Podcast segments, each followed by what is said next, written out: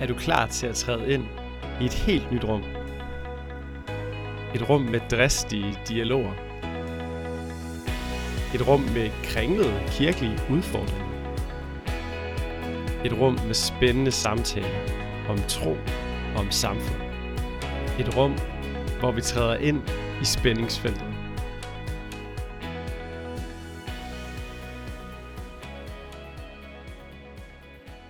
Jeg hedder David Ingmansen, og jeg er vært her på Spændingsfeltet.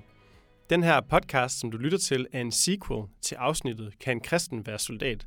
Så du kan jo med fordel lytte til det, måske inden du lytter til den her, eller i hvert fald bagefter. Og der kommer også nogle gange til at være referencer til den podcast i den her, I skal høre nu. Det kommer til at handle om lidt samme spørgsmål. Hvad er forholdet til det at gå i krig og til vold, man skal have som øh, et kristent menneske? Og jeg har to debattører inde og er tilbage på moderatorpladsen igen. Det er dejligt. Og ja, de har en helt vildt spændende debat, så glæder dig til den, og øh, lad dig udfordre den. Det gør med. Velkommen til Spændingsfeltet. Tak fordi I vil være med. I dag skal det handle om øh, kristendom og krig og vold, og det bliver spændende, tror jeg. Claus, vil du starte med at præsentere dig selv for dem, der lytter med? Det vil jeg gerne, og tak fordi jeg må være med. Jeg hedder Claus Højgaard Larsen og er 41 år og gift med Mette, har tre drenge på 3, 5 og 10, og vi bor i Gjern ved Silkeborg kommer i Sørlands Kirke der. Jeg er opvokset i en kristen familie, det tænker jeg har relevans for, for mange måder, som jeg ser tingene også. Og mm. øh, så tror jeg også, det har relevans for det her emne, at jeg, at jeg arbejder meget med Bibelen, øh, lærer bibeltekster udenad med det her, jeg kalder Bibelen Live, hvor jeg tager ud og reciterer og dramatiserer bibeltekster. Mm. Ja, det er sådan lige lidt om mig. Fedt. Andreas? Jeg hedder Andreas. De fleste kender mig fra en anden podcast, men jeg er 30 ja. år og har været tidligere soldat og er nu studieteol. Jeg er også familiefar. Og øh, ja, sådan det. Fedt. Og øh, vi er jo, det er jo nemlig en, øh, sådan en sequel, den her podcast, til en podcast, som vi lavede tidligere, Andreas. Øh, fordi at jeg nok øh, bedst skal være i den her rolle, som jeg har nu igen i dag som moderator. Øh, så nu har jeg fået en ind, øh, fordi hvis I lytter med i den sidste podcast, så var det jo mig, der fremførte Claus' synspunkt, som I kommer til at høre. Og øh, nu er jeg tilbage på min vante plads, så det tror jeg bliver godt. Så øh, det skal handle om kristendom og krig, og hvordan skal man som kristen forholde sig til det? Og øh, ja, Claus, jeg tænker, du kan få lov til at spille ud med, hvad dit svar til det sådan spørgsmål vil være i de store linjer. Ja. Jamen, I de store linjer, så har jeg jo lyst til at sige, at jeg tror, at vi, vi er enige om, at vi som kristen skal forholde os til det på den måde, vi jo ikke var der. Og mm. det tror jeg sådan set ikke, vi kan blive enige om, at øh, vi vil jo ønske, at krig og vold ikke fandtes. Øh, det store spørgsmål er så, hvad jeg så kan gøre for, at det ikke er der.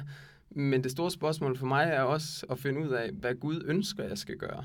Også uafhængigt, og det tror jeg måske, vi kommer ind på i samtalen også, uafhængigt af, om det virker eller ej. At, at når jeg kigger på, hvordan verden ser ud, og overvejer, hvordan jeg skal agere eller ikke agere, så skal jeg først og fremmest lytte til, hvad Jesus han siger. Og hvis han siger, og det mener jeg jo, han gør, når vi for eksempel læser bjergprædiken, Øh, hvis han siger, at jeg skal vende den anden kind til, så skal jeg gøre det. Også i de store øh, krigspolitiske spørgsmål, tror jeg faktisk, at, at det er det, jeg er kaldet til som kristen. Ja, og vil du bare lige sige et par ord mere om, hvordan det, hvilken konsekvens det har for dit syn på for eksempel ja, øh, at drage krig, eller at altså, tale for øh, ja, du ved, bare måske lidt mere om, hvordan det ser ud, ja. det, det syn, du har. Ja. Altså, jeg kan jo sige, at jeg har aftjent min værnepligt øh, for en halv menneske eller siden, ja. og jeg kan samtidig også sige, at det ville jeg ikke have gjort i dag. At med de synspunkter, som jeg har nu, dem havde jeg ikke, selvom jeg voksede op i en kristen familie. Så lærte jeg selvfølgelig, at vold ikke er løsningen hen mm. i skolegården. Øh, det var ikke altid, jeg overholdt det, men det var det, jeg lærte af mine forældre. Mm. Og samtidig lærte jeg, men der er nogle situationer, hvor det er det, vi gør, også som kristne. For eksempel, at man kan være politimand, eller man kan drage i krig, eller andre ting, hvor at vold kan være en del af, af løsningen. Så det er jo det, jeg på en eller anden måde er opdraget med i en sådan klassisk luthersk kristendom. Øh, indtil jeg så for nogle år siden øh, læste lidt øh, Shane Claiborne, og øh, ud fra det begyndte at læse bibelteksterne måske på en anderledes måde, sådan lidt med, med de her, det er sådan lidt provokerende måske sagt, men med de her briller, hvad hvis Jesus faktisk mente det, han sagde? Hmm. Øhm, og det fik mig faktisk til at ændre syn på noget. Så hvis jeg i dag kunne hoppe tilbage til for 20 år siden, så havde jeg ikke aftjent min værnepligt. Øh, hvis der er nogen, der kommer og spørger mig som kristen i dag, øh, kan jeg godt være soldat, så vil mit umiddelbare svar være, at Det tror jeg ikke, du kan. Eller det, det synes jeg ikke, du skal. Mm. Øhm, så, så det, hvis det er det, du ja, tænker på ja, sådan praktisk. Det var, ja. det var super. Ja. ja. Tak for det. Så Andreas, hvad, hvad tænker du om emnet her? Øh, altså jeg tror, at man som kristen skal forholde sig til vold og soldatergærning, ligesom man skal forholde sig til at være tømmer, eller smed, eller skolelærer. Det er noget, man kan bruge øh, til at tjene sin næste med, hvis man mm. siger sådan. Det er i hovedtræk det, jeg mener. Ja, og øh, hvad, hvad tænker du så om det, Claus lige har, har altså, øh, Så kan vi lige ja, så kan vi jo, lidt. Jamen, øh,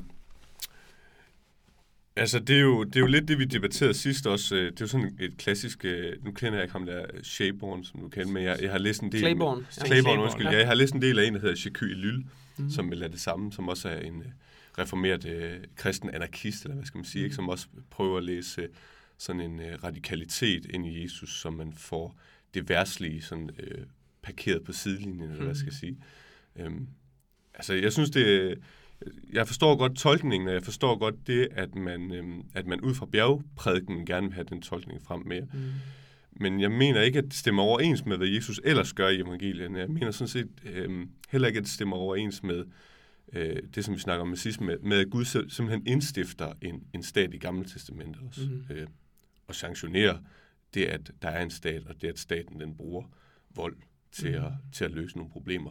Men jeg er jo sådan set også... Øh, fuldstændig enig med dig i, at øh, når vi som kristne agerer i verden, så skal vi heller ikke tænke på et resultat, mm. eller være resultat-minded. Mm. Øhm, vi skal tænke på, vi skal tænke på umiddelbart, hvordan kan jeg gøre godt i den position, jeg er i. Mm. Øh, der er en, der hedder Stonewall Jackson, Thomas Stonewall Jackson, som er sådan en kendt sydstatsgeneral. Han sagde, at uh, the duty is ours, the consequences are God's. Mm. Og sådan ser jeg egentlig på det. Så, så jeg kan jo ikke sætte mig ud for tid og kigge, mm. hvordan konsekvenserne af mine handlinger er. Jeg må regne med, at mine handlinger de kommer sådan til gode ud fra det umiddelbare, jeg gør. Mm. Så ja, det tror jeg, det, det, vil, ja, det vil være sådan noget, jeg vil sige. Mm. Og så rører du allerede ved noget, som er, er spændende i forhold til den her snak, og det er jo sådan hele den her, øh, igennem hele Bibelen, den udvikling, der på en eller anden mm. måde er. Og som man jo kan se forskelligt. Nu hørte jeg også jeres øh, podcast, hvor I har snakket om emnet tidligere, I to, som jeg står overfor. Mm. Øhm, og jeg tænker, at det er vigtigt for mig at få sagt, at jeg ser ikke på det som, at der er det her skisma, som vi snakkede om, mm. imellem Jesus og Gud Fader, mm. og at, at øh, de sådan skulle mene noget forskelligt. Mm-hmm. Men jeg ser nok meget på det på den måde, at der er en fremadskridende åbenbaring igennem Bibelen, mm. hvor vi eller man kan sige, det starter godt, det starter rigtig godt, ja. hvor vi virkelig får kernen af Guds vilje at vide på de mm. allerførste mm. sider mm. i paradiset, som vi jo alle sammen vil ønske, at det stadig så sådan ud. Men fra syndefaldet og så fremad, der er der på en eller anden måde, der er Gud skjult på nogle områder i Gamle Testamente, hvor han åbenbarer sig fuldstændig i det nye testamente, i Jesus Kristus. Og derfor må det for mig til enhver tid være der, jeg starter min forståelse af Gud, når Jesus han har åbenbaret sig helt. Da, da Gud den almægtige, han vælger at komme til jorden, så kommer han ikke, sådan som kong Herodes regnede med, som en konge, der skal udfordre ham med magt på den måde. Så kommer han faktisk som lille barn, som vi lige har faret for en måneds tid siden. Så bliver han faktisk født i al sin afmagt på den måde. Og, og helt ultimativt bliver han kronet på korset ved at blive pisket, hånet, spyttet på og latterliggjort. Ikke fordi han ikke havde magten. Ikke fordi han ikke kunne have valgt at bruge den. Men fordi han valgte at elske på den her korsformede måde, kan man sige. Mm. Og det, det er det, jeg mener, at, at den der fremadskridende åbenbaring, må jo på en eller anden måde påvirke også mit syn på det her spørgsmål. Ligesom det påvirker mit syn på alt muligt andet. Hvad spiser jeg? Jamen, hvis jeg læser det gamle testamente, så er der nogle ting, jeg ikke må spise. Og det var, fordi Gud han mente det. Det er jeg helt overbevist om. Men når Jesus han har sagt, at der er ikke noget, du spiser, som gør dig uren, så er det jo, så er det jo der, jeg starter min, min forståelse som kristen. Så når Jesus han har sagt de ting, han har sagt i bjergpakken, så er det også der, jeg starter min forståelse.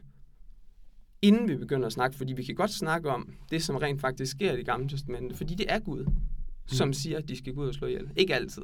Nej, nej. Altså en af de beretninger, jeg har lært uden af beretninger om Samson, som jeg er meget ude med lige nu. Ja. Og jeg vil sige, det er ikke alt det, Samson gør, som Gud har bedt ham om. Men der er noget af det, som ja, han gør i Guds kraft, ja, og som ja. udfordrer mig. Det kan du næsten regne ud som mm, pacifist, mm, og, mm, mm. og, og, og stå og fortælle om Samson, ja. som, som ja. slår tusind mænd ihjel med ja. en æselkæbe. Ja. Men det er Gud, ja. som giver ham det ja. på det tidspunkt ja. i historien. Ja. Altså, jeg, jeg, jeg tror Øh, jeg vil give dig nogenlunde, jeg vil give dig ret i nogle ting. Altså, der er nogle ting, som er temporale, blandt andet Israels lov. Det er en, mm. det er en lov, der er givet kun for Israel. Øh, hvor vi har en anden lov, mm. øh, Luther sagde saksespejl, eller vi kan sige danske lov, eller mm. jyske lov, ikke? Men jeg mener sådan set ikke, at gudbilledet er anderledes. Jeg mener, at de israelitter, som vi læser om i Gamle Testamente, de har nøjagtigt den samme tro, som du og jeg har. Øh, og det kan jeg blandt andet se ved, øh, at Johannes i Johannes 13 siger, at Esajas så Jesus på tronen, mm. da han så Jave, ikke? Altså, mm. så, så den Gud, som øh, Esajas så, det er den Gud, som jeg tror. Mm. Den, den Gud, som israelitterne tror på, det er nøjagtigt den Gud, jeg mm. tror på. Og det er Jesus, mm. og det er, er faderen, og det er helligånden. Mm. Ikke? Så jeg tror ikke, der er en progression i deres gudsbillede, i deres tro. Det er nøjagtigt den samme, vil jeg sige. Mm. Men det er klart, at med Jesu indtræden, med Guds selvåbenbaring, der kommer en ny, hvis man skal blive terminologien, kamp, hvor Gud i det gamle testamente kæmper imod den, øh, også imod vores åndelige synd. Mm. Fordi det åndelige og det værste synd, eller hvad skal man sige sådan, er forbundet. Men han prøver også at starte et, øh, et, et gudsfolk, et samfund, som også er rent i sin værslighed.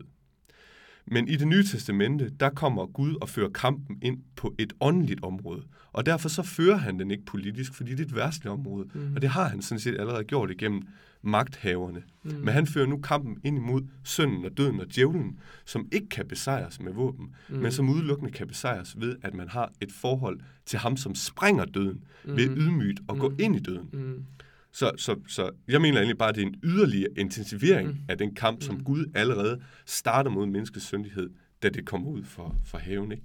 Men det er jeg jo helt enig i, ja. at, at den åndelige kamp, at, at den, den bliver ført af Jesus i det nye testamente, øh, og når han hænger på korset, så er det jo den her kamp, som er en anderledes kamp, hvor, hvor han vinder over de åndelige kræfter mm. på den måde. Mm. Men derfor er der jo sideløbende med det også et spørgsmål, altså i forhold til, hvad, hvad betyder det, når Jesus han siger, at Guds rige er kommet nær? Mm. Men hvis vi læser hele Bibelen, så er der jo noget med, at Gud han er konge for Israels folk på et tidspunkt. Og så vil de ikke have ham som konge, og så mm. får de deres egen konge efter lange kampe omkring det, hvor mm. Gud han har sagt, at det er en super dårlig idé, mm. men nu får I det. Ja. Og, og så, så bliver det jo på den måde, og så går Gud ind i det. Det er jeg helt med på. Så går Gud jo ind i det, og han, han hjælper dem også i krig. Mm. Men når Guds rige er kommet nær, når Jesus han står og siger det, og at han så er min konge, mm. altså det er Guds mm. kongerige, der er kommet nær i det nye mm. testamente, mm. Så er der samtidig med den åndelige kamp også et helt menneskeligt perspektiv, som handler om, at nu har jeg igen Gud som min eneste mm. ultimative konge. Mm. Lidt ligesom de havde før, at de fandt på den dårlige idé med, ja. at de skulle have kongerækker mm. i Israels folk, hvor mm. Gud han var god nok. Mm. Og så må jeg jo lytte til ham. Og så, og så mener jeg stadigvæk ikke, altså bare lige for at skære det ud i pap, jeg mener stadigvæk ikke, at det er fordi, der er en forskel til, nej, nej. hvad Gud han sagde der. Jeg mener, det er fordi, at han har ment det i, i det gamle testamente. Mm. Men nu er der noget mere om, og i virkeligheden også noget mere fantastisk, mm. men i virkeligheden også noget mere udfordrende, som han vil sige. Fordi jeg tror faktisk, at det er mere udfordrende for mig, når Jesus han siger, at jeg skal vende den anden gen til, end hvis han mm. sagde, at jeg skulle gå i krig. Jamen, altså, vi er, jo, vi, er jo, vi er jo sådan set uenige. Jeg mener også, at der, der sker noget helt afgørende nyt. Mm. Jeg mener også, at du skal vinde, og jeg skal vinde min mm. kendt til. Mm. Mm. Altså, øh, hvor man kan sige, jeg, det kan vi komme, måske komme ind på, jeg tror bare, det er mere radikalt. Jeg forstår det mere radikalt. Så når Jesus siger, du skal elske din fjende, du skal vende din, mm. din kind til, din, eller din egen kind til, så er det ikke en etisk regel. Så er intentionen i det, han siger, det er, at du skal fuldstændig afdø fra dig selv. Du, ja. skal, du skal se dig selv som intet. Ja. Som overhovedet intet. Men det, men det sletter ikke øh, alle de tjenester, og alle de, alle de ordninger, nu brugte David det sidste mm, her, mm. hvor i du kan tjene din næste. Mm. Øh, altså, at du skal vende din kind til, betyder ikke, at du skal vende din næstes kind til. Mm. Du skal vende din kind til, fordi du skal være intet. Mm. Du skal være død for dig selv. Mm. Men du skal ikke være død for din næste. Og din næste bliver du nødt til at agere i overfor og sammen med i en verden, som desværre er syndig. Mm. Og derfor bliver man nødt til at bruge nogle ting i den her verden, som, som, som for, i gåsøjne virker. Ikke? Fordi det er det, vi bliver nødt til at pejle det på. Og hvis jeg skal sige det der med... Men må jeg lige spørge, ja, må jeg spørge kort til ja, noget? Ja. Fordi at, det snakkede I også lidt om, og det er jo helt klart noget af det, der udfordrer mig. Jeg vil mm. også sige, at, at jeg jo ikke mener, at jeg på den måde kan vende min næste kendt til. Det er jeg sådan helt enig i. Jeg, ja, ja, ja. ringede faktisk til politiet for mindre end en uge siden, ja, ja, og bad dem om ja. at komme ud til en spritbilist, fordi at jeg jo ikke bare kan sige, jamen det er okay, hvis hun rammer mig. Mm. Det, jo, det kan jeg egentlig Ja, godt ja, sige. ja, ja, det kan jeg faktisk vælge mener. at Ja, sige, ja, men ja, jeg ja. kan ikke vælge at sige, at det er okay, hun kører rundt ud på motorvejen Nej. og slinger på den måde. Nej. Så, så der ringer jeg faktisk, og politiet Mm. kommer ud med blå blink og det hele. Mm. Så, så på den måde er jeg jo også til dels splittet i forhold til noget af det her, fordi kan, kan jeg så ringe til dem, men jeg ikke vil være en af dem, som kommer ud og bruger Mm. mm. vold for at stoppe hende. Der, der er jeg faktisk lidt udfordret på mm. Mm. mit syn, vil jeg Mm, gerne mm. sige.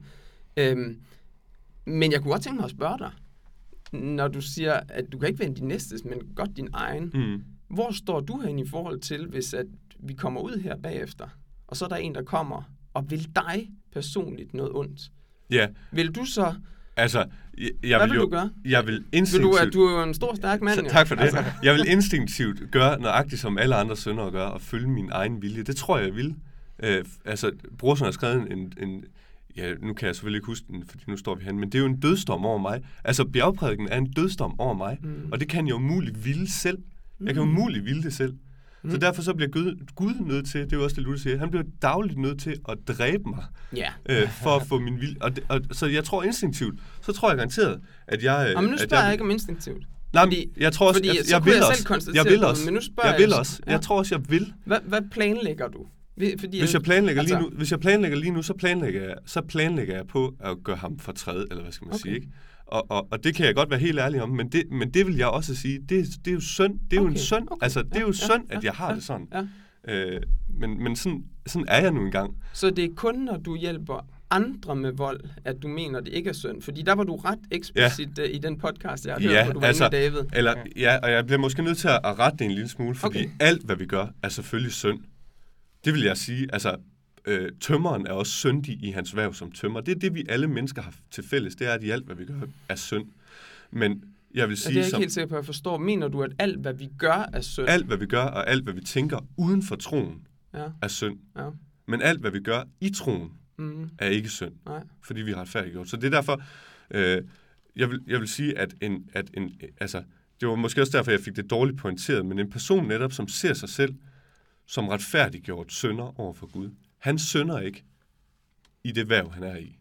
Men det er klart, at uden for den tro, så er vi alle sammen syndere, og så Mhm. synder vi hele tiden. Mm. Så, så altså, Men sådan helt konkret. ja. Hvis nu at du bliver slået ned herude på gaden om lidt, Mm, og du forsvarer dig, mm. så mener du, at det er synd. Så vil jeg med, så, Men hvis jeg bliver slået ned, og du forsvarer mig, ja, så mener du, så vil jeg, så, det, der vil helt du- klart være et skisma, fordi, spørg, fordi spørgsmålet, det er, jo, det er jo hele tiden en diskussion om, hvad er mit motiv? Er mit motiv, at det er min egen hævn? Så er det jo klart, så er det synd. okay, Men er motivet, at jeg gør det her, fordi, og det vil, det vil selvfølgelig altid være blandet sammen, Mm. fordi der er jo ikke nogen af os, der er og der, der er rene, og derfor er det også, det er jo sådan lidt en tænkt, øh, en tænkt diskussion, ikke? fordi det mange gange også er noget, som er spontant, ikke? altså som mm. er en spontan ting. Ja, Øh, jo jo, jo, jo. for- fordi- men det fordi- var ikke spontant, da du rejste ud som soldat. Nej, det er klart. Det var sådan men, rimelig plan. Jamen, det er klart. Fordi vi kommer også ind og rører ved noget, kan jeg godt mm. Mm. høre på nogle af de ting, du siger, mm. Mm, som jeg synes er vildt spændende at Ja, lytte til, ja. men, men som også viser måske et forskelligt syn på ej, det, det, det, det kommer til at lyde voldsomt, når jeg siger kristendomsforståelse, mm. Mm. men altså, Ja, men det for, men, men kristenlivet på en eller anden måde, mm. fordi Mm. når jeg læser bjergbrækken, så slår den mig ihjel, Ja. som du talte om mm, før. Mm, Den fortæller mig, hvad jeg ikke kan i mig selv. mm, Men det er jo Mm. på ingen måde det eneste, den gør. Den bygger mig jo også op som det kristne menneske, fordi Kristus, Gud den almægtige, mm, bor i mig. Ja. Det vil sige, at når jeg går ud på gaden, så er jeg jo nødt til også at tænke mit liv ud fra, mm, at Gud den almægtige, han virker i mig. mm. Og det er altså Gud den almægtige, som da han ultimativt skulle Mm. vise sin kærlighed Mm. til Mm. mennesker, Ja. så gjorde han det ved at dø for dem. ja, det er klart. Ikke ved at slå dem ihjel, men ved at dø for dem. Ja, ja. Så, så på en eller anden måde, så skal jeg jo planlægge mit liv sådan. Så er jeg godt med på, Mm, at syndigheden kan Mm. til enhver tid mm, have indflydelse på, Mm. hvordan jeg handler. mm. Men jeg skal jo ikke planlægge, det Nej, mener jeg heller ikke, du siger, men, men Nej, det er bare for at sige, hvad jeg tænker, at jeg skal jo ikke planlægge mit liv ud fra det. Nej. Hvis der kommer en nat og angriber min familie derhjemme, Mm, så er jeg jo nødt til, når jeg på forhånd overvejer, hvis de kommer, det var faktisk derfor, jeg nævnte, at jeg er gift Mm. og har tre børn, fordi Mm. det betyder meget for mig mm, i det her mm, spørgsmål. mm, mm. Hvis, jeg, hvis, jeg, hvis jeg tænker, hvad, hvad vil jeg gøre, hvis de Mm, kommer i nat, mm. Og vil gøre min familie skade, Mm. så er jeg jo nødt til at planlægge det ud fra, at Jesus, han bor i mig. Mm, Jesus, mm. som viser sin kærlighed til mennesker, Mm. at dø for dem, ikke Ja. ved at slå dem ihjel. Nej. Hvad jeg så kommer til at gøre i situationen, fordi Ja. jeg også er en Ja, ja. sønder, Det, er, det ved jeg jo ikke. Hvis, hvis, at jeg, hvis jeg ser, at nu er muligheden at skubbe ham ned ad trappen, og så får jeg stoppet ham, ja. også hvis det betyder, at han kommer til skade. Ja. Men jeg vil uden tøven betragte det som synd, ja. hvis jeg gør det. Ja. Og der er også nogle helt store ting på, på spil i det forhold til, og nu bliver det måske sådan meget mm. stort, men mm. det er emnet på en eller anden måde. Mm. Mm. Hvis jeg slår et menneske ihjel, mm. som vil mig det ondt, mm. så fratager jeg det menneske muligheden for at møde Jesus. Måske. Det ved vi jo ikke, om han har gjort. Nej, men jeg fratager det menneske muligheden for fremtiden at møde Jesus. Ja. Nej, jeg kan jo selvfølgelig ikke vide, om altså, hvis jeg står nede, som du har været i krig mod, mod Taliban eller ISIS, eller hvad det er, ja. så kan jeg jo ikke vide, om de har mødt mm. Jesus. Men jeg tror, vi er enige om, at sandsynligheden mm. for, at dem, der render rundt mm. dernede, mm. at de ikke tror på Jesus, den ja. er ret stor. Og hvis ja. jeg skyder ham, ja. så er sandsynligheden i hvert fald ja. nærmest lige nul for, ja. at han kommer til at møde Jesus. Ja. Hvorimod, hvis han slår mig ihjel, og det er faktisk en mm. vigtig pointe det her, mm så kommer jeg ikke bare til at møde Jesus, sådan som vi taler om det her. Mm, mm. Så kommer jeg til at møde ham lige nu. Mm, ja. Mm. Ja, men... Og det er jo en stor del af min forståelse i forhold til pacifisme ja. som kristen. Ja. Det er, at jeg kan jo, jeg kan jo tåle at dø. Ja. Mm. Jeg forstår, For så skal jeg leve. Jeg forstår udmærket, hvad du mener, men, men her, og her kommer mit problem, fordi hvad bliver, hvad bliver udgangspunktet? Ikke? Det, er, det er Claus, der bliver udgangspunktet. Lad os tage din familie her. Mm. Jeg håber også, at hvis der kommer en indbrudstyv, og jeg var alene hjemme, at så ville jeg afskrække ham nok til, at han løb væk. Eller hvis jeg var ude i byen, at der var en eller anden... Jeg vil slet ikke fuld... afskrække ham, jeg ville byde ham på kaffe. Jamen, det kan også være, at, at det var det, man så skulle gøre. Det, det, så, så sløset ville jeg ikke være med min egen ejendom. Og det, og det ved jeg heller ikke, om du... Men hvis jeg nu, lad os nu bare sige, at jeg mødte en ude i byen, og han kom op og antager sig mig en eller anden øh, fuld og sagde, du er en idiot, eller du er grim, eller hvad ved jeg. Mm-hmm. Så ville jeg nok også bare sige, have en god aften. Jeg vil også håbe, at hvis han kom op og gav mig en på hovedet, mm-hmm. at så sagde jeg, vil du ikke lade være med det der? Kan vi ikke bare have en god aften sammen? Mm. I stedet for at gøre et eller andet. Og det vil, det, vil, det vil jeg også planlægge og træne mig på, at jeg gjorde. Men var der en tyv, der brød ind i mit hus, og, øh, og ville, ville mine børn og min hustru det ondt, så er det min pligt som kristen, mener jeg, at sørge for, at det kan den tyv ikke. Mm. Og det samme ude i byen. Hvis jeg kommer gående forbi en mand, der er i gang med at antaste en pige, så er det min pligt som kristen at regne mig selv for intet og sætte mig i den fare, hvor jeg netop kan dø for hendes skyld i at fjerne voldtægtsmanden. Oh, ja. Så det er sådan, jeg ser det. Mm. Jeg, jeg ser, intentionen i brevperioden er, at jeg skal regne mig selv for ligegyldig. Men jeg skal ikke regne mig selv for ligegyldig for, at, og det er heller ikke, fordi jeg siger, at du vil det, mm. men for at opnå et eller andet. Nej. Eller for at være et eller andet bestemt. Nej. Jeg skal regne mig selv for ligegyldig, fordi at jeg nu er frigjort fra alle mine krav, fra al min mm. tro, mm. Fra alle mm. mine ønsker, mm. til at kunne tjene næsten præcis sådan, som det er. Og, og der er det så bare kristenopforståelsen forskellig, fordi jeg ser jo netop Gud som ham, der har indstiftet retfærdigheden, eller politiet og militæret, netop til at kunne værne om næsten. Mm. Og derfor så er jeg fri til at kunne benytte mig af de muligheder for at kunne tjene næsten. Mm. Og så er det klart, det er sådan et, det er et forhold, som er dobbeltsidigt, ikke? fordi min søn spiller altid ind. Så da jeg tog afsted til Afghanistan, var det selvfølgelig ikke i, i sådan en helgenrejsen, hvor nu skal jeg mm. ud og være god for min næste. Der er alle mulige ting, der spiller Men sig din ind. grundlæggende tanke var, at det var derfor? Min grundlæggende tanke det. er det, selvfølgelig klart, det at, at, at, at den mission, vi har, ja, er en mission, som er sat i verden for at genoprette lov og orden, mm. hvor den orden er blevet brudt. Og jeg mener, og det mener jeg også, at Jesus han står for, fordi han bliver faktisk slået på kinden på et tidspunkt i Johannes evangeliet, og han mm. vender ikke den anden kind til.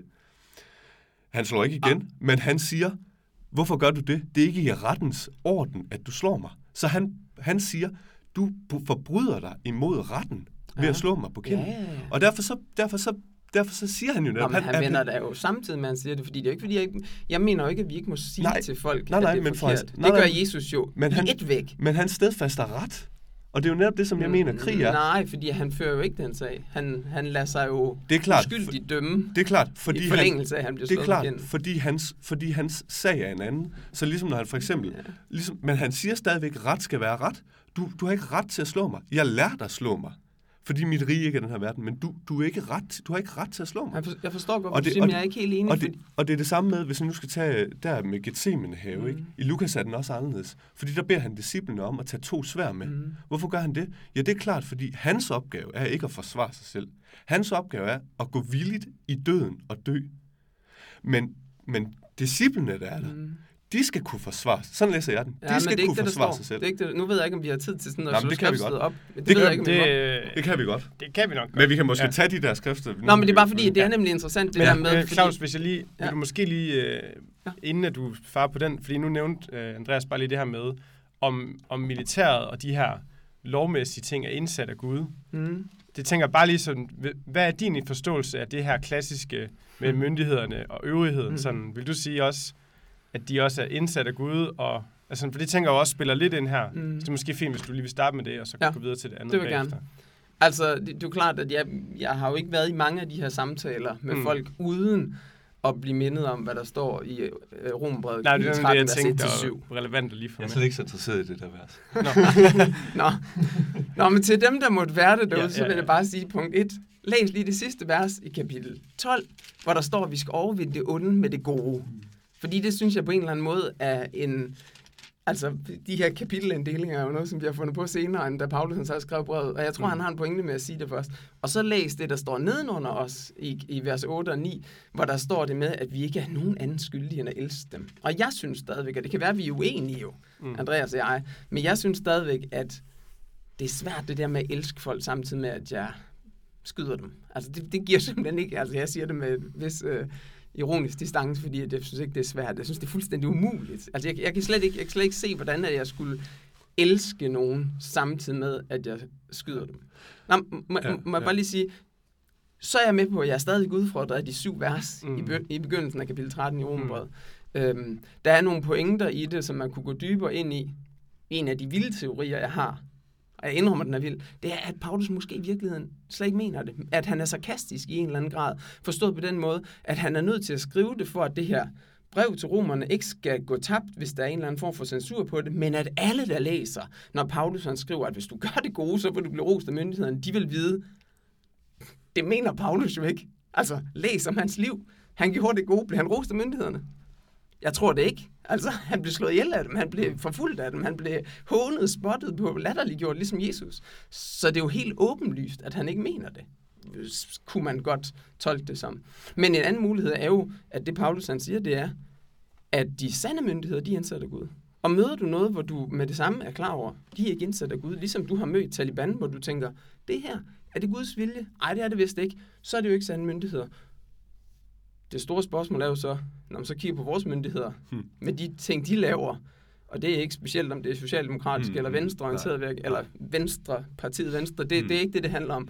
Fordi de er ret meget enige om Hmm. ting, som Hmm. jeg ikke tror, at Gud han synes er en god idé. Mm. Så man kan jo overveje, om de overhovedet er sande myndigheder.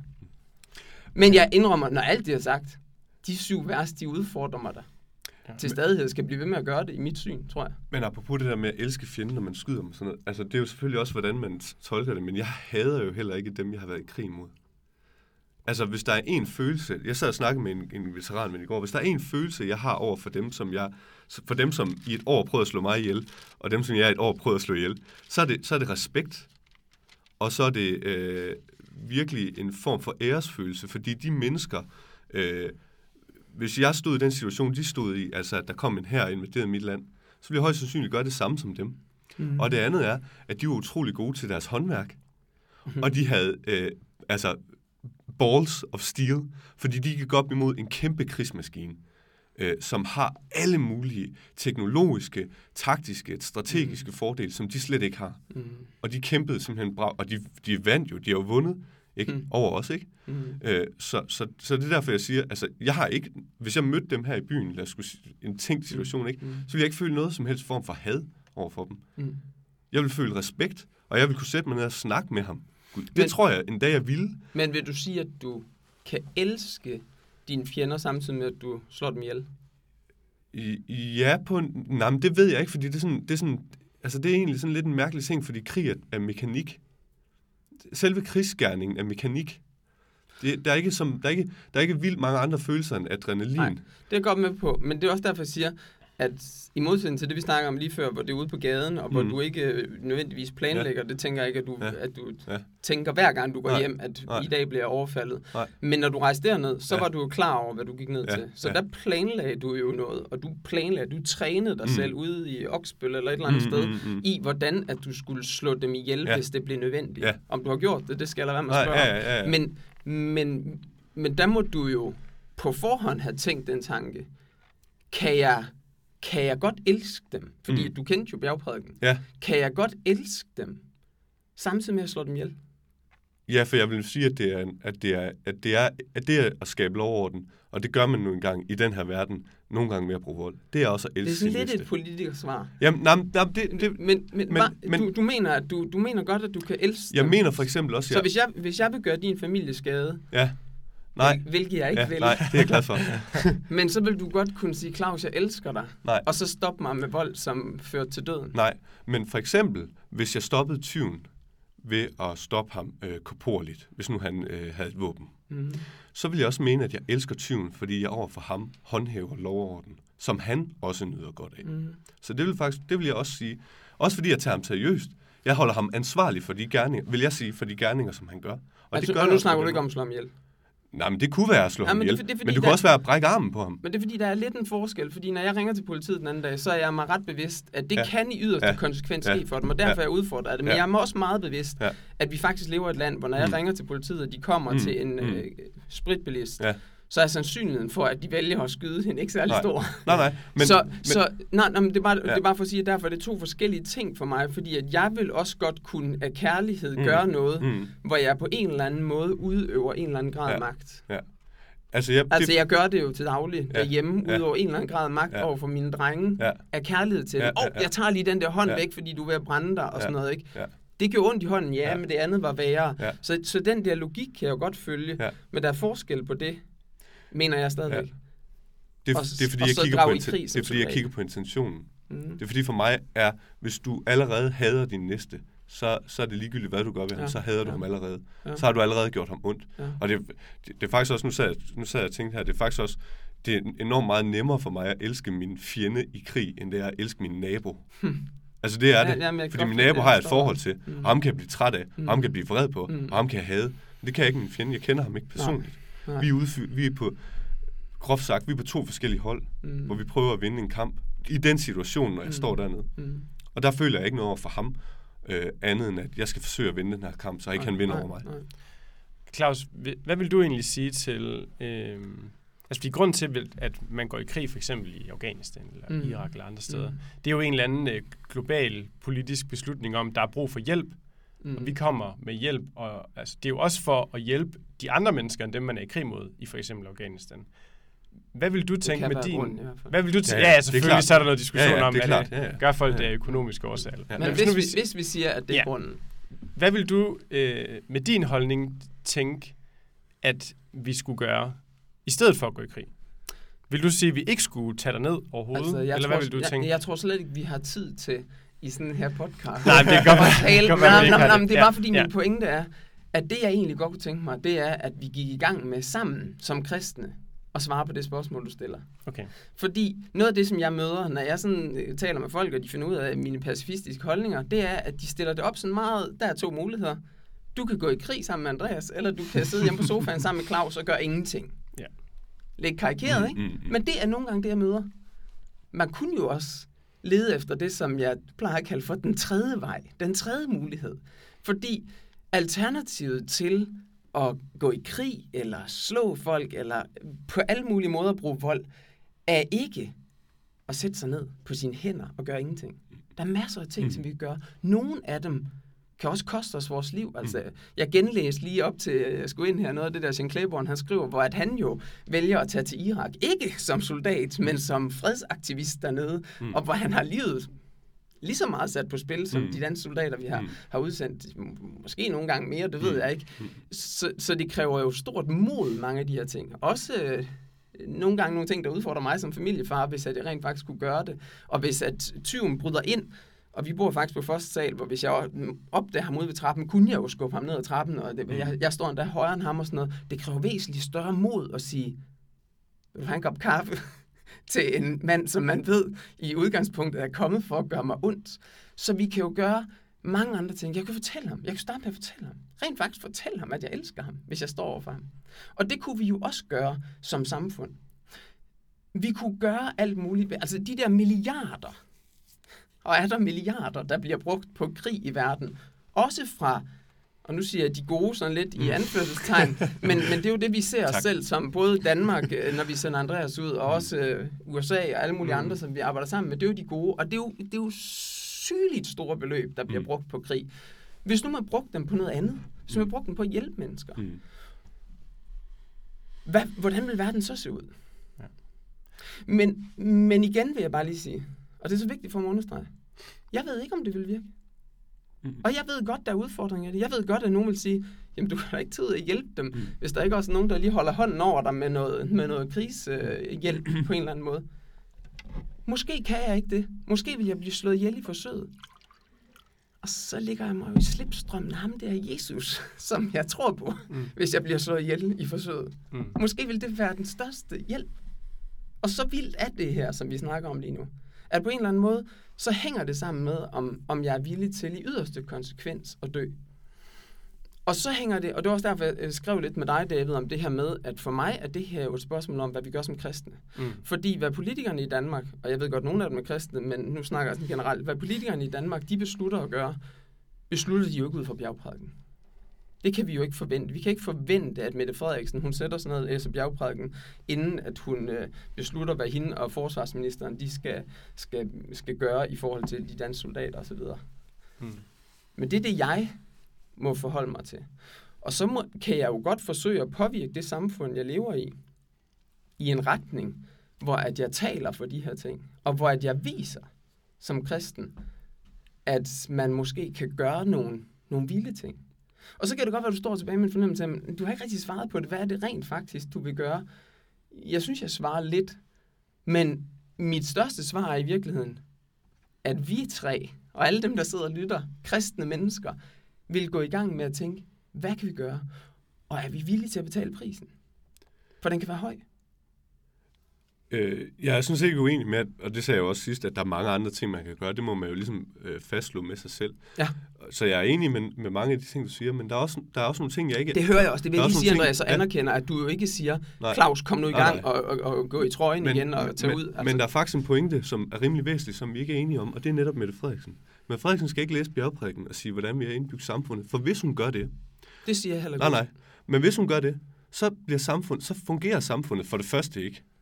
Fordi hvis hun gør det, så den voldtægtsmand, eller den forbryder, som kommer til dit hus, og du fortæller, elsker, han går direkte ind og siger, det er jeg ligeglad med, Claus. Og så skærer han halsen over på dig, og så binder mm. han dine børn. Mm. Og så gør han forfærdelige ting med dine børn, mm. og forfærdelige ting med din hustru. Mm. Og derfor så, derfor så er det en god ting, du siger, men derfor så fungerer det ikke over for din næste. Fungerer, det, jeg ved, det er, et, det er et dårligt ord, men det bliver vi alligevel nødt til at bruge.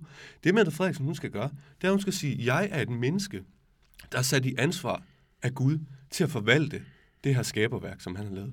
Og så skal jeg bruge min fornuft til at lave lov, som er mm. gode for andre mennesker. Og det skal jeg gøre med det i mente, at jeg er ansvarlig over for alt, eller over for Gud i alt, hvad jeg gør. Det er det, hun skal gøre. Og så er det en god ting, at hun sætter sig ned og siger, forbrydere skal straffes, hvis de laver en forbryderisk handling. Og sådan må det være. Og det, er det egentlig... Så, så, altså det, så det er det, jeg mener, at, at, at ja, det bliver bare gentaget lidt, hvad jeg sagt? Men, ja. men du skal ikke tænke på dig selv. Hvad, hvad er det godt for min næste? Mm. Det er ikke godt for min næste, at jeg fortæller forbryderen, at jeg elsker ham, hvis han derefter slår, hvis han derefter slår mig ihjel. Det er lige meget. Men så går ud, og så alle de andre ihjel. Mm. Det er ikke en god ting for min næste. Det er en dårlig ting for min næste.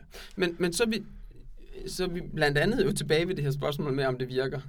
Og at, at når jeg har de holdninger og den mm. praksis, jeg har, mm. så har jeg dem ikke Nej. ud fra, om det, nej, men det, det er bare vigtigt for mig at understrege, at, at jeg er ikke sat til at vurdere, mm. om det virker. Jeg er sat til at adlyde en, som jeg tror på, ja. og som ved, hvad der er bedst. Det er og når Jesus han siger det til mig, ja. så er jeg sat til at gøre det. Og om det vil virke ud i samfundet. Ja. Altså, nu, nu vil jeg bare lige sige, vi er jo nødt til at konstatere, at vold ikke virker. Fordi vold har jo ikke skabt fred, sådan som I stod og snakkede lidt om i den sidste podcast, som var en af de ting, som jeg var sådan helt sidder hjemme i sofaen og, og ryger lidt op. Og, altså, siger de virkelig det i, rad, eller i podcasten ja. der? Altså, vold virker jo ikke. Vold, vold har jo ikke skabt fred. Altså, der, der bliver jo ved med at være vold. Mm. Vold avler vold. Ja. Og når der indimellem er fred, jeg kommer hjem fra en lille, hyggelig by i Gern, Mm. du skal ikke bilde mig ind, at grunden til, at vi har det fredeligt der, Nej. det er fordi, at folk er godt klar over, at hvis jeg gør noget, så kommer politiet og skyder mig, eller tager mig til fange, eller et eller andet. Grundlæggende, så har vi det fredelige af mange andre grunde end vold. Vold avler vold.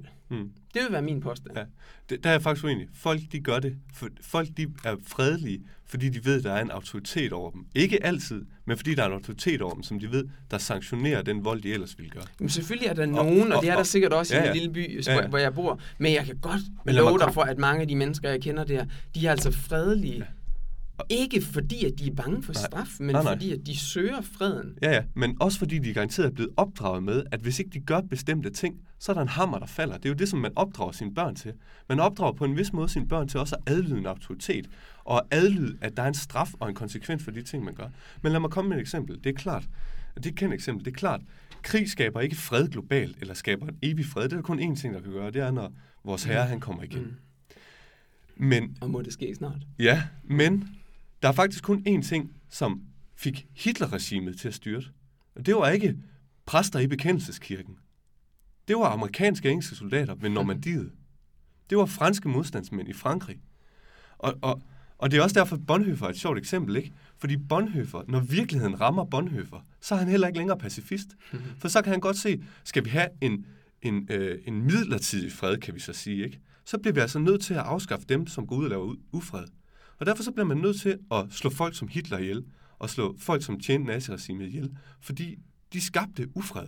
Mm. Så man laver, som Luther han siger, en lille ufred for at tjene den store fred. Mm. Så det er klart, der kommer ikke global fred eller vedvarende fred ved, at man indstifter vold. Men ved at du tager og slår Hitler ihjel, så er der i hvert fald skabt fred der. Mm. Eller ved at du tager fængsler Det er jo... øh, tyven, mm. så er der i hvert fald skabt fred fra den tyv, du har fængslet. Mm. Og han bliver fængslet. Altså, det er jo også det, du siger, og det er jo godt, at du også er klar over det, ikke? Når politiet, undskyld, når politiet kommer, så gør de det netop med det i mente, at den yderste konsekvens er, at han kan Mm. benytte vold. Så kan det godt være, at det ikke er nødvendigt over for spritbilisten. Men hvis spritbilisten ikke hører efter, Mm. så er den yderste konsekvens, at den spritbilist må møde vold. Og det kan godt være dødelig vold. Mm. Øhm, Ah, men vi, bare lige en, ja, en men du, ja, du får, det er bare, vi når desværre ikke ned i alle de der tekster og sådan noget, fordi tiden er ved at løbe fra os. Okay. Så hvis du nu svarer på den, Claus, og så laver sådan en afslutning bagefter, altså sådan på en eller anden måde, og så kommer du bagefter på. Så du svarer først lige på den, og så bagefter laver det, du gerne vil slutte af med at sige, sådan hvis, Ja, på en eller anden okay. måde. Og så kommer Andreas. Kunne, kunne, kunne Fordi- vi måske gøre sådan, Ja. at øh, vi hver især kan få lov til at præsentere et skriftsted før det? Altså, fordi, fordi jeg har faktisk fundet nogle, jeg synes, der er Okay. okay. gode, så hvis Mm. bare vi må præsentere et eller sådan Mm, noget, og så en kan jeg jo starte, Ja. og så kan han måske øh, respondere på det skriftsted, jeg har fundet, Mm. fordi nu har jeg haft så meget taletid i det Ja, første, ja, ja. og så kan du vise et eller andet, og så bliver det bare usagt, hvad jeg så vil sige til det. Men det ikke, øh, det, jeg synes, det er en god, jeg synes, det det, er en god godt plan, sige. hvis der er med på den. Ja. Men jeg har lige lyst til at sige til det, du sagde, Ja. Ja. at jeg er jo stadigvæk... Altså, jeg er jo stadigvæk optaget af, at om det så set med vores øjne virker at bruge vold eller ej, er jo underordnet, at jeg skal adlyde, hvad Jesus han siger. Og, og jeg er jo stadigvæk... Øh, Jesus byder mig ikke at bruge vold. Det, det vil jeg simpelthen våge den påstand. Mm. Også, øh, nu fandt jeg det her vers, som du snakker om før fra Lukas med, Mm. med sværene. Det er Mm. ikke, fordi Jesus byder, at de skal bruge vold. Så, så det er jo stadigvæk der, det hele det starter for mig. Mere end om det virker. Mm. Men så vil jeg også stadigvæk sige, at det virkede jo ikke. Fordi vi har jo nazisme i dag. Vi har nynazister. Vi har folk, der hylder Hitler. Vi har jo ikke fået løst problemet generelt. Mm. Vi har helt klart fået stoppet noget på et eller andet tidspunkt i verdenshistorien, som ser ud til, at det var med vold. Men om det var kirken, der bad, og det var derfor, det skete, det ved jeg jo ikke. Nej, nej. Og, og du må gerne kalde mig naiv, når jeg står og siger det med Mm, et smil, mm. men, men det er sådan, jeg ser verden. Mm, mm. At, at, at Gud kan have virket på mange måder, og Gud kunne have stoppet Hitler på en anden måde, hvis det var det, han ville. Altså Gud er, er almægtig og er ikke Ja. afhængig Nej, af enig. vores vold i hvert fald. Fuldstændig enig. Han valgte så bare at bruge soldaterne på Normandiet. Det er jo sådan, jeg så ser det, ikke? Ja. Eller, man kan ikke spore Guds handlinger i historien på den måde. Nej. Men det vil jeg sige, Gud kan gøre lige præcis, hvad han vil. Og han Mm. gør lige præcis, hvad han vil. Og det må Mm. vi stole på som kristne, at han gør. Mm. Godt. Og så, Andreas, ja. så får du et sted. Ja, fordi... Og så får, en, og så får Claus et sted bagefter, ja. og så runder vi af. Fordi vi snakkede om... Øh, man snakker altid om Gamle Testamentet, hvis man skal finde noget, som sådan er, er, er krigerisk, eller hvad skal man sige, ikke? Øh, og Nytestamentet som, som det nye, der byder ikke vold. Så, så fandt jeg et sted i Hebræerbrevet, i Hebræerbrevet 11, meget parallelt sted, hvor der først blev beskrevet alle dem her i Gamle Testamentet, som fremfører ting for Gud i samme tro som de kristne. Og der mm. nævner han faktisk også, at besejrede fjender og krig er gjort i tro. Og det er fra Hebræerbrevet 11, 32. Og så har han opremset Abraham og øh, hvad hedder det, Abel og alle sådan nogle, og så siger han, men hvorfor sige mere? Tiden vil jo slippe op, mens jeg fortæller om Gideon, Barak, øh, Samson, Jaf, øh, Jafta, David og Samuel, om profeterne. Alle dem, som ved tro besejrede riger, øvede retfærdighed, fik løfter opfyldt, stoppede løverskab, slukkede voldsom ild, undgik troende svær, blev styrket, når de var svage, blev stærke i krig og slog fjendtlige her på flugt.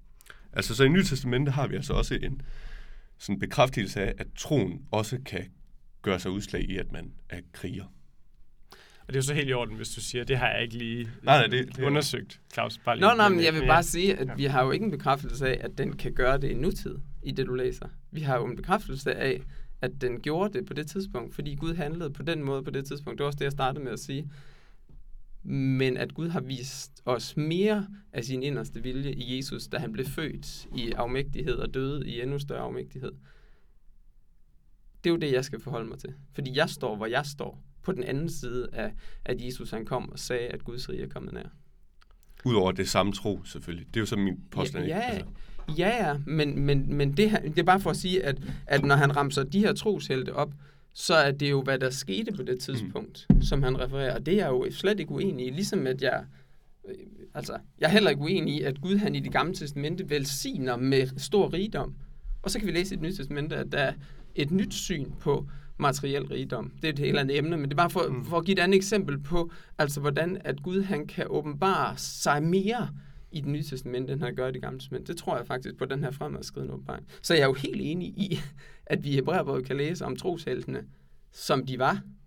Men det er ikke det samme, som han siger, at det er det, de skal nu. Vi kunne bladre en side tilbage i forhold til det, du læste, og læse om kapitel 10, hvor han jo siger noget mere om, hvad, hvad at, at de er kaldet til at gøre nu, hvor han siger om det her med, husk, hvordan I i led med de fængslede, I fandt jer med glæde i, at man røvede jeres ejendom, fordi I vidste, at I ejer en bedre formue, der ikke forgår. Det er jo mere, læser jeg det, som det han faktisk kalder dem, han skriver til her i Hebræerbrevet. At det er det, vi skal gøre. Nu, på baggrund af, at vi har set Jesus dø på korset. Tænker jeg. Skal vi, skal vi lade det tælle som dit skriftsted, eller vil du insistere på lige at få en mere, Claus?